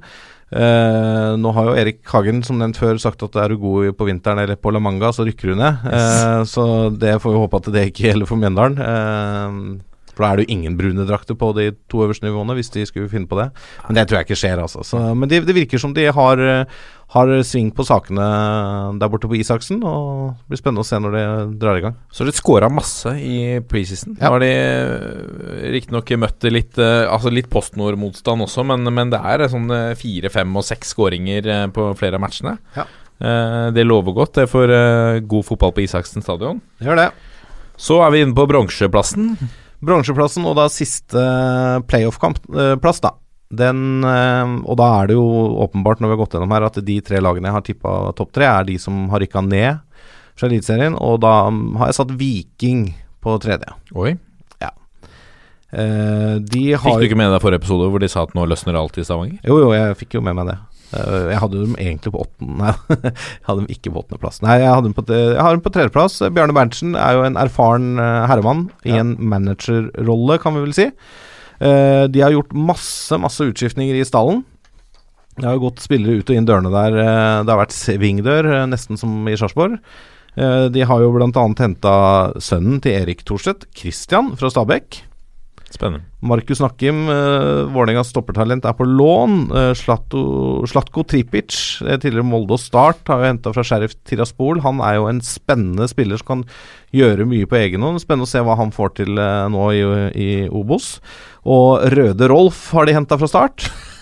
Røde Rolf Rolf Daniel Vikstøl, venstrebekken ja. som er kjent for å ikke være kjempegod på å time taklinger alltid. Han har kommet inn, men det er jo sånn Han er jo en kapteinstype. Han var kaptein i start. Ja. Han er en ledertype, erfaren fyr med masse eliteserie- og Obos-ligaerfaring. Eh, viktig å få inn i, i Viking, tror jeg. Og så er det en type som eh, Leo Shiri Østegård, som vi har snakket litt om nå Ja, før som har blitt henta fra Molde på lån. Som er et kjempetalent. Ja, jeg skal, trodde jo eh, sånn som Solskjær snakka opp han før sesongen, at han var nesten bankers på det Molde-laget, og så Ja. plutselig var han eh, ute av alt. Men uh, det er klart, det er nok et bra nivå både for han og Nakkim å utvikle seg på i en toppklubb i Obos-ligaen. En, en klubb som skal kjempe om opprykk. Det må jo være kanskje ligaens beste stoppepar, eller? Han og Nakkim? hvis det er de som uh... Ja, De har noen andre der også som jeg ikke kom på sånn i farta. Og så har de beholdt Julian Ryerson. Ja, og det, det, Det er er mot alle odds. Mot alle odds. Så Han har jo, gikk jo nærmest ut i lokalpressen og sa at han skulle bort. Ja. Så Eh, at han eh, men da, Og det også tyder på at eh, Tror jeg, da, ut fra han, for han var mye frustrert, og jeg tror han så det samme som veldig mange i Stavanger, at, at eh, det var veldig en, en stor negativitet rundt hele klubben. eh, og det at han blir, kan jo tyde på at de kanskje har snudd litt eh, trenden i Stavanger. da Ja. Og Nå skal man begynne å framsnakke Viking litt. Ja, det kan nok uh, være det at uh, han Og så kan det hende at det ikke det riktige tilbudet dukka opp. Da Han var vel ganske tydelig på at han ville ut, sånn som hans uh, kollega Kristoffer Haugen, uh, venstrebekken, var, men han havna i Molde. Ja. Uh, så de har mista han, da. Han var jo en han er jo solid, solid tap for Viking, selvfølgelig. Men André Danielsen er fortsatt med. Tommy Høiland kommer til å gjøre det vondt for motstanderne. Og kommer til å klype litt og tråkke på litt og herje litt. Eh, alltid morsomt å følge hva Tommy Høiland eh, kan finne på. Eh, så jeg tror eh, Viking blir å regne med, altså. Ja, og vi nevnte jo forrige, i forrige episode at eh, sesongkortsalget også går eh, rykende. eh, og det tyder på at eh, fansen har troa på prosjektet til Berntsen og co. Eh, det blir spennende å se om de klarer å leve opp til dette. Vi går til andreplass, Vangsten. Wangsten. Nå er jeg spent. Ja, der har jeg Eller skal vi ta første først, da? Jeg tar første først. da. Ja, vi må jo det. Der eh, er det de oransje og Årets blå. vinner av Obos-ligaen er Ålesund, Ålesund. Ja. Tangotrøyene. tror jeg. Ja. Uh, vært så vidt inne på trenerskiftet der. Lars Bohinen, eh, som kanskje skifta klubb eh, bra timingmessig. Det tror jeg. Tror han får en opptur i Ålesund og tar de opp, og styrker da sine aksjer som eh, trener. Kommer jo til å spille en 3-5-2-3-4-3-variant, uh, selvfølgelig, som Lars er veldig glad i. Eh, har, eh, har en sterk stall. Uh, selvfølgelig de har mista Moussa Abdullah og Edvin Gyasi og sånne ting, men uh, det er et, uh, et solid lag. Og har, Lars har også fått med seg en tidligere Vålerenga-kjenning, Andrea Loberto, på trenerbenken. En fotballklok, solid herremann der som skal hjelpe Lars på vei. Det må, være en, må sies å være en meget god signering. Ja, det er åpenbart. Ja, det eh, syns jeg er en kjempesignering. At han også kan legge det kaosåret bak seg i, eh, i Fredrikstad. Ja, det har nok Som jeg ikke unnet han, for jeg tror han er bedre enn det, det som kom fram der. Jeg tror ja. prestasjonen der det, jeg, tror, jeg vet ikke hvor mye skyld Andrea Loberto har i det som skjedde der. Nei, jeg tror ikke det var bare hans feil, altså, for å si det, si på den måten. Han er, men eh, som jeg sier, han er en fotballklok eh, mann som har erfaring også fra, fra England. Han er jo engelsk-italiener, unge Loberto. Um, har eh, Nei, jeg tror det blir um, tror det blir et bra team. Uh, Bjørn Helge Riise er fortsatt der. Fredrik Karlsen. Det, det er masse spillere i Ålesund som har en haug med eliteseriekamper i banken. Uh, de kommer til, eh, tror jeg, å vinne heila driten, uh, som de ville sagt i Stavanger, og rykke opp. Og så har de jo signert eh, eh, også, må vi trekke fram, han eh, Holmbert eh, Fri, Fridjonsson, som eh, islendingen som har vært innom både Brøndby og Celtic. Eh, solid eh, signering. Og altså Torbjørn Agdestein, mannen som, mannen som bøtta inn skåringer før han gikk til Odd. Og så stoppa det totalt både på tillit og på mål. Eh, det er vel en Altså, dette må være et nivå som passer for han. Og han er en For hans sving på sakene her, så kan han fint uh, erstatte, tror jeg, Moss uh, i en, som, som lagets målskårer. Ja da, det, det tror jeg også at han fort, uh, fort kan gjøre. Så jeg, det, jeg syns Ålesund ser eh, solid ut, altså. Jeg, jeg gjør det. Og Sonny Nattestad, som jeg i hvert fall har, hadde store forventninger til i Molde. En sånn bauta av en, en stopper. Inn på lån der nå. Eh, muligens eh, da kanskje for å, å få litt eh, førstelagsfotball, selv om det er tøft om stoppeplassen i Molde også. Men eh, altså Ålesund på en førsteplass, Vangstein. Wangstein. Og da tar vi og snakker om eh, Sogndal på en andreplass. Da blir det heislaget fra Saftbygda som Ja. eh, rykker opp igjen. Eh, de har jo beholdt Even Hovland, da, kapteinen sin, som kom inn i sommer. Mista Kjetil Wæler. Eh, Men allikevel, jeg tror Sogndalen Sogndal har en sterk nok stall, og eh, også en sterk nok klubbkultur. Skal ikke undervurdere det heller, til å ta seg opp igjen, eh, rett og slett. Eh, Stanislav Mandic, eh, 23-åringen eh, fra mm, Serbia, han ble jo U20-verdensmester med de. Fikk én skåring på ti kamper i fjor. Er jo litt tenkt som erstatteren til Gilbert Comson, som har gått til Brann. Eh, blir spennende å se hva han får til Obos. Eh, det blir spennende å se hvordan de erstatter eh, Tayo Teniste, som også gikk til Brann. Eh, men de har jo også henta noen spillere her som ja, Akim Latifu, som har vært i ÅFK, er signert som back, og Ulrik Flo er tilbake igjen. Flo! Nok en Flo, da, vet du. Ja, ja. Så um, Returnerer til, uh, til, Sogne, til Sogndal. Ja, etter å ha vært litt spilt her i åtte år. Ja. Han er jo en Sogndal-gutt, selv om Ja. han har vært både her og der. Eh, så nei, jeg tror, eh, tror Sogndal skal eh, kunne klare seg, klare seg greit, jeg, altså. Ja. Eh, gjort det bra i eh, treningskampene. Eh, forrige uke nå 5-1 eh, mot Åsane. Mm. Etter at de hadde slått HamKam 2-1 og nest Sotra med, med 3-1. Tapte bare 0-1 mot Brann i begynnelsen av mars. Eh, og når vi går lenger tilbake enn det, så begynner det å, det begynner å bli litt, uh, bli litt uh, lenge siden. Eh, Ja. Men det er fantastisk, den, den uh, stemningen og det trykket som, som er i Sogndal. Og, og altså man blir blir Vi blir ikke overraska lenger over entusiasmen fra publikum og i den lille saftbygda at det bor så mye At det bor så mye mennesker som det ser ut som det gjør på, på alle hjemmekampene på campus.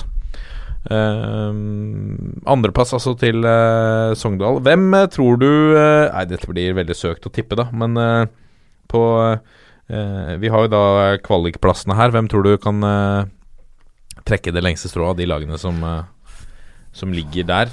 Altså Du tenker på hvilket av de lagene møter Møter et eliteserielag. Eliteserielag, ja. Det er jo fristende å si Viking, da, som jeg har satt på tredjeplass. Ja. At de tar den, på en måte. Det er kanskje det, det letteste å si òg. men det er, de lever jo gjerne sitt eget liv, de kvalikkampene. Men med tredjeplass så vil Viking ha hjemmebanefordel uh, i de innbyrdes oppgjørene mot andre Obos-lag. Eh, så ja, nei, det blir jo Viking. Mjøndalen er jo et litt sånn kvaliklag, de også. Jo da, de er det, og og så alle de Cupeventyr og Ja da, alle disse kan jo finne på, finne på å gjøre det. Men jeg, jeg tror, eh, når alt kommer til alt, at det blir Viking som kjemper om den siste eliteserieplassen i, i eh, ja, november, blir vel det, da? Ja. ja. Hvis ikke går mot desember. Det kan du fort gjøre. Ja.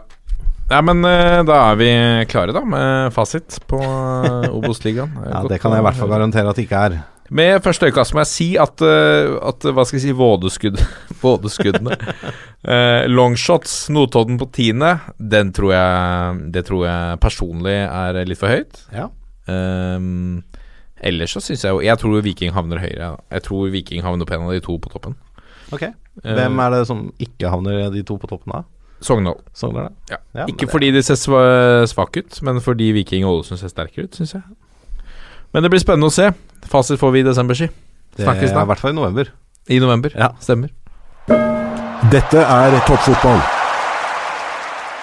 Og så skal vi raskt se nærmere på neste eliteserierunde, Lasse. Og vi begynner med Strømsgodset Brann. Ja, det er jo noen dager til da når vi spiller inn dette. Seks dager til neste runde, men vi kjører på Det, likevel. blir litt, uh, det er litt mye her som er litt vanskelig å si, men vi gir en liten preview. Ja, vi gir en liten preview. Det er jo to lag som kun har spilt én kamp så langt i sesongen etter noen utsettelser, og begge har spilt hjemme. Brann slo Glimt 2-0 og fikk en drømmestart, mens Strømsgodset, kanskje med litt lengre pause, var mer misfornøyd med 2-2 hjemme mot uh, Stabæk. Eh, Godset har slått eh, Notodden i mellomtiden i en treningskamp 3-2, og Brann har spilt 1-1 mot Sandnes Ulf. Eh, Brann har litt taket på eh, Godset i eh, Drammen. 11-4-12 er eh, statistikken, og 35-45 er målforskjellen.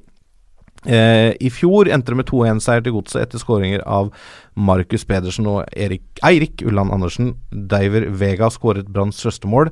Eirik Ulland Andersen er vel noe usikker etter eh, en eh, operasjon for Gilmers, Gilmores groin, og, men nevnte Vega og ikke minst Daniel Bråten er jo tilbake i trening og fikk noen minutter i treningskampen, så det, de håper nok begge får muligheten til å få litt spilletid i eh, Drammen.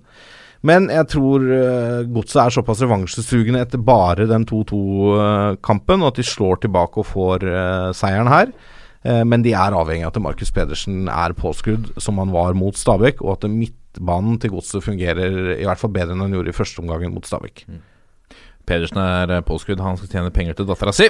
Eh, Og han eh, liker jo å spille mot lag han har spilt for før. Det er helt uh, korrekt. Vi går til uh, Molde, uh, som tar imot Tromsø hjemme i Molde. Tromsø står med fem tap på de seks siste, siste møtene disse lagene imellom. Dette er et lag som Molde liker å møte. De tilsvarende oppgjør i fjor endte 3-0. Da skåret uh, Sigurdarsson, Brustad og Hussein. Molde har Forren har en skade i kneet. Litt usikker, men, men spiller sannsynligvis. Thomas Amang, årets eh, potensielle komet, eh, har en, en smell i hofta. Er litt usikker. Eh, Ruben Gabrielsen har hangla. Har jo ikke deltatt i de to første matchene. Eh, Tromsø uten skader. Eh, det blir spennende å se om det hjelper de nevneverdig. De har sett svake ut så langt. Ja. Jeg levner de veldig liten sjanse her. De har én kamp, da, men de står svake ut, da. Ja, ja, men de har sett svake ut i, i, eh, altså i preseason, Ja, ja. Og, og eh, vi har jo snakket mye om Tromsø. Eh, jeg uh, levner de en liten sjanse her. Molde slo Hødd i treningskamp eh, i dag, vi, samme dag vi spiller inn. Daniel Chimachukwu putta for Molde. Det er eh, godt eh, for de å se at de har fått han i form. Han var ikke i kampform da han ankom Rosenes by. så eh, så eh, Tromsø et, eh, ikke et veldig godt bortelag i fjor. Det blir spennende å se om de klarer å, å eh, toppe det i år. De vant fire bortekamper i hele, i hele fjor. En, en grei hjemmeseier tenker jeg vi sier for, uh, for Molde, selv om vi sa det samme da Rosenborg skulle møte Kristiansund. Vi så åssen det gikk. Ja. Vi går til Sarpsborg, og de tar imot ditt kjære Vålinga, Lasse. Ja, og dette er jo kanskje årets første skikkelig test for Vålinga, da, for de har jo slått to lag som var forventa å ligge litt lenger ned på tabellen enn Sarpsborg i de to første kampene. Selv om jeg syns de har vært solide i de kampene, Vålinga. Sarpsborg er jo et lag som i fjor hadde stålkontroll på Vålerenga. Eh, 2-0 vant de i Sarpsborg, vant 2-1 i eh, første kampen på Intility, og ikke minst 3-0 i cupsemifinalen samme sted. Det bør jo gjøre Vålerenga noe revansjesugende. Jeg syns Sarpsborg har fått en god start på sesongen. Eh, en sterk og ikke minst fortjent seier hjemme mot Rosenborg i serieåpningen. Og 2-2 borte mot eh, Lillestrøm på Åråsen. Det er ikke å kimse av det heller. Det er status så langt. Eh, og til tross for alle disse utskiftningene vi har snakket om, så virker de som de har fått ting til å sitte med en gang. Og det er imponerende av Geir Bakke og kompani, altså. Eh, Så utelukker vi vel ikke at Harmet Singh får seg en scoring her, eller at Aslak Falk spiller karrierens beste kamp etter å ha rota litt på Åråsen, da, vet du.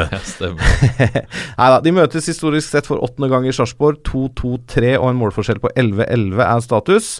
Eh, Sarpsborg har spilt to treningskamper i vinterpausen, eller landslagspausen. Eh, slått både Kongsvinger og Strømmen 3-1 på hjemmebane. Filipe Kar. Ja, det hjelper med selvtillit. Alltid det. Felipe Carvalho, den stopperen til Vålerenga, spilte jo treningskampen mot uh, estiske nummer Kalju. Men jeg syns det virker som han er litt avventende i hodedueller ennå etter smellen, så jeg er litt usikker på om han starter. Uh, Vålerenga har jo også henta en ny stopper til. Uh, portugisiske Joao Diogo Serpa Meira, sa jeg sikkert feil. Han er 30 år og kommer fra et opphold i MLS og Chicago Fire.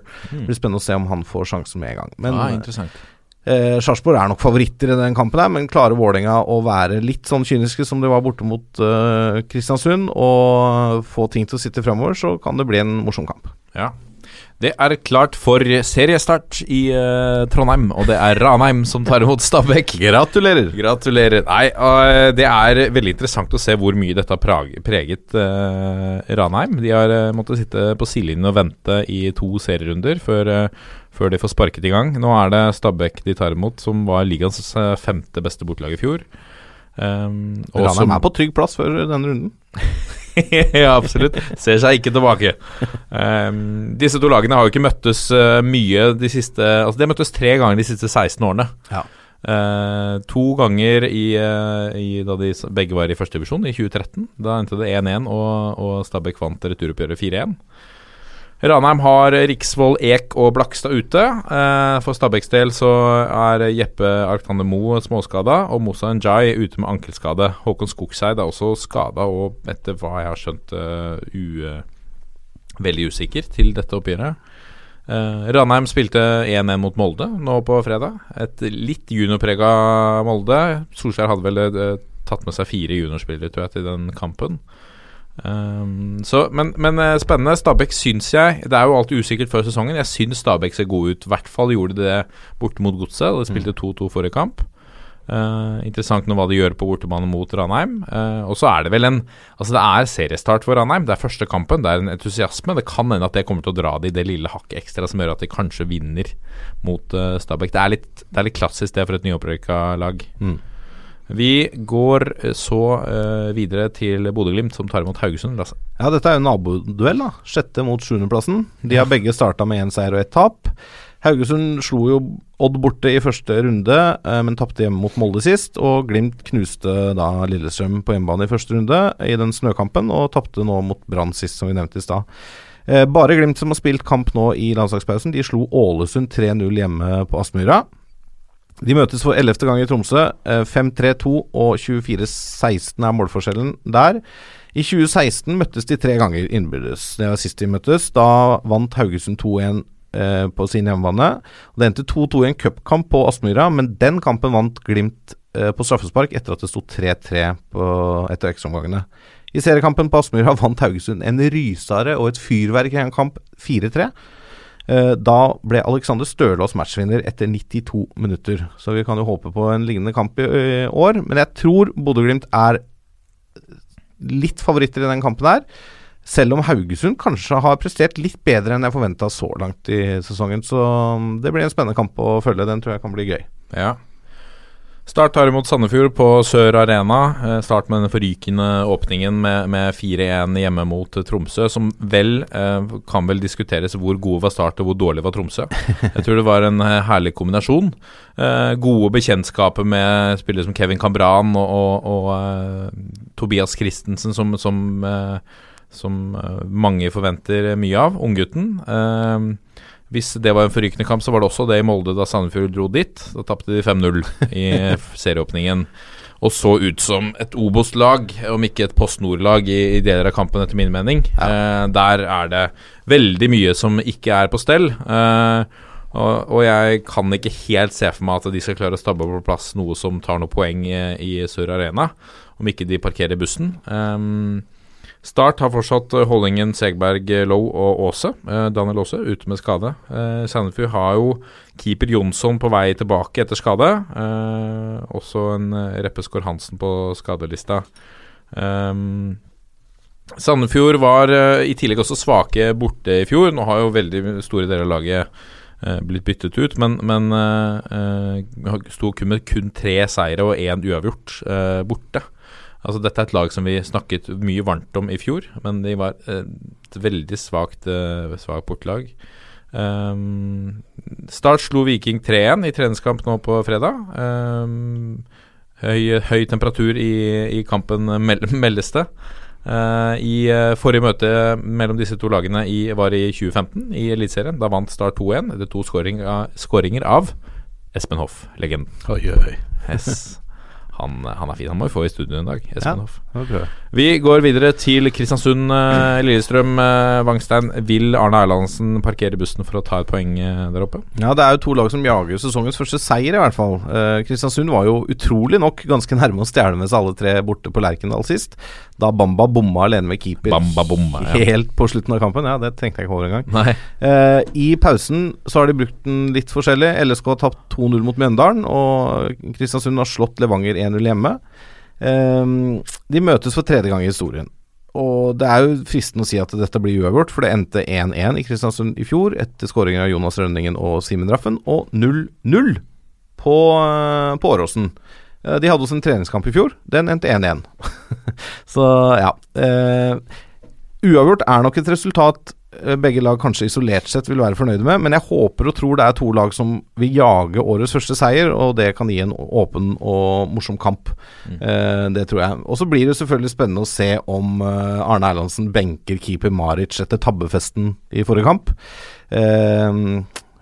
Det, det Jeg er litt usikker på hva de tenker der. Eh, Aliou Koli for KBK er tilgjengelig igjen etter å ha fått én kamps karantene for det røde kortet etter kampslutt mot Vålerenga i seriepremieren. Så de har vel de fleste, i hvert fall eh, bortsett fra da selvfølgelig Benjamin Stokke, som eh, fortsatt er usikker, tenker jeg, med den ankelskaden han pådro seg i straffesituasjonen der. Ja, stemmer Ja. Han fortsatt. Som det. Bamba kan jo gjøre mannsjobb, han altså på topp, så det, jeg tror ikke det nødvendigvis svekker Kristiansund veldig mye i denne enkeltkampen, Nei. selv om han blir savna, selvfølgelig. Men uh, fristende å tippe en eh, 1-1 her. Ja. Og så har vi, eh, ifølge i hvert fall eh, Eurosport, rundens hovedkamp, som er klokken eh, 20.00. Eh, Odd som tar imot Rosenborg hjemme. Odd var jo Altså, vi har slakta de for å, uh, for å score lite. De var ligaens tredje beste hjemmelag i fjor. Eh, slapp inn bare 0,8 mål per hjemmekamp, eh, men uh, skåret bare 1,7 mål i snitt. Um, færre, færrest skåra hjemmemål av alle lag, og tredje færrest innslupne. Så er- de var jo sterke hjemme, må vi kunne si. da Nøkterne og sterke. Eh, Rosenborg var eh, ligaens klart beste bortelag, med ni seire, tre uavgjort og tre tap. Um, for Odds del så er Steffen Hagen fortsatt usikker. Han spilte jo ikke mot Vålerenga sist, da de tapte 2-1. Eh, det er nok Vegard Bergan som tar plassen hans igjen, selv om han var ikke noe fryktinngytende midtstopper mot, eh, mot Ronny Deilas menn på Intility. Eh, Rosenborg har kun eh, Dahl Reitan og Williamson ute, sies det, hvis Jan Erik Delandli eh, er tilbake. Nå har, har han vært på trening denne uka etter å ha slitt med Er det ikke en korsbåndskade? Jeg lurer på det. Eh, I hvert fall tilbake på trening, og um, håper, uttalte seg, håper at han er med i troppen til eh, som reiser til eh, Skien eh, og Skagerrak Arena. Um, interessant kamp. Eh, Tøff kamp for Rosenborg. Et gjerrig, gjerrig Odd-lag som vi eh, Nå har jo til og med Torgeir Børven begynt å skåre, riktignok i treningskamp nå da de slo, de slo Notodden 5-2 nå i forrige uke. Jo, men det er en tøff kamp for Rosenborg. Nei, øh, For Odd også, ja, for Odd òg. For Ja, ja, Rosenborg har ikke vunnet ennå i år. Nei. Ikke sant? Tap mot Sarpsborg i første kamp, øh, 2-2 mot Kristiansund sist. Eh, Rosenborg jager en seier nå for å få litt eh, kobling på Molde, som vi tror slår, eh, slår Tromsø. Ja. Eh, og skulle Molde vinne den, og Rosenborg ikke ta tre poeng i Skien, så er det plutselig sju, Uh, i hvert fall. Men tror du, tror du Ja, det preger Rosenborg at de går ut i full fres, og at uh, Dag Eile Fagermo forutser dette og, Murer litt. og murer litt? Det kan hende. Men eh, ja, det blir en spennende kamp. Det er en kamp jeg gleder meg til å se. Veldig spennende. Eh, det hadde vært litt gøy om, om Fagermo ja, Altså Fagermo ser ikke snitt her til å ta en liten skalp mot et pressa, det. klart en pressa Kåre. Det bør være bra fyring i teltet i Skien på søndag. Det er søndag. kamp i kampen Nei, mellom Fagermo og Kåre også. Ja, ja, helt klart. Det er, eh, dette blir en eh, spennende runde. Eh, andre påskedag braker det løs. Også med Obos. også med Obos, Mm. ikke minst. Hvor du har tippa Notodden på tiende. Ja, yep. det har jeg. Vi, vi Skal vi si det er greit å ta påskeferie? Ja, nå fortjener vel vi påskeferie, gjør vi ikke? Eh, Jeg syns det er på tide. selv om vi elsker å sitte her. Vi er tilbake neste uke igjen. Eh, før det så får vi ønske alle lag lykke til. Uh, god påske til deg, Wangstein. God påske, Martin. Og vi må avslutte, selv om vi bare, er to, uh, med å Nei, før det så skal vi oppfordre folk til å fortsette å sende inn mail til oss på toppfotballat451.no. Ja, og kontakt oss på sosiale medier hvis du har spørsmål eller ønsketemas. Og ønsketemas, ikke minst. Og legge inn en rating. Altså, og én, to, tre. Vi er i. Ha det!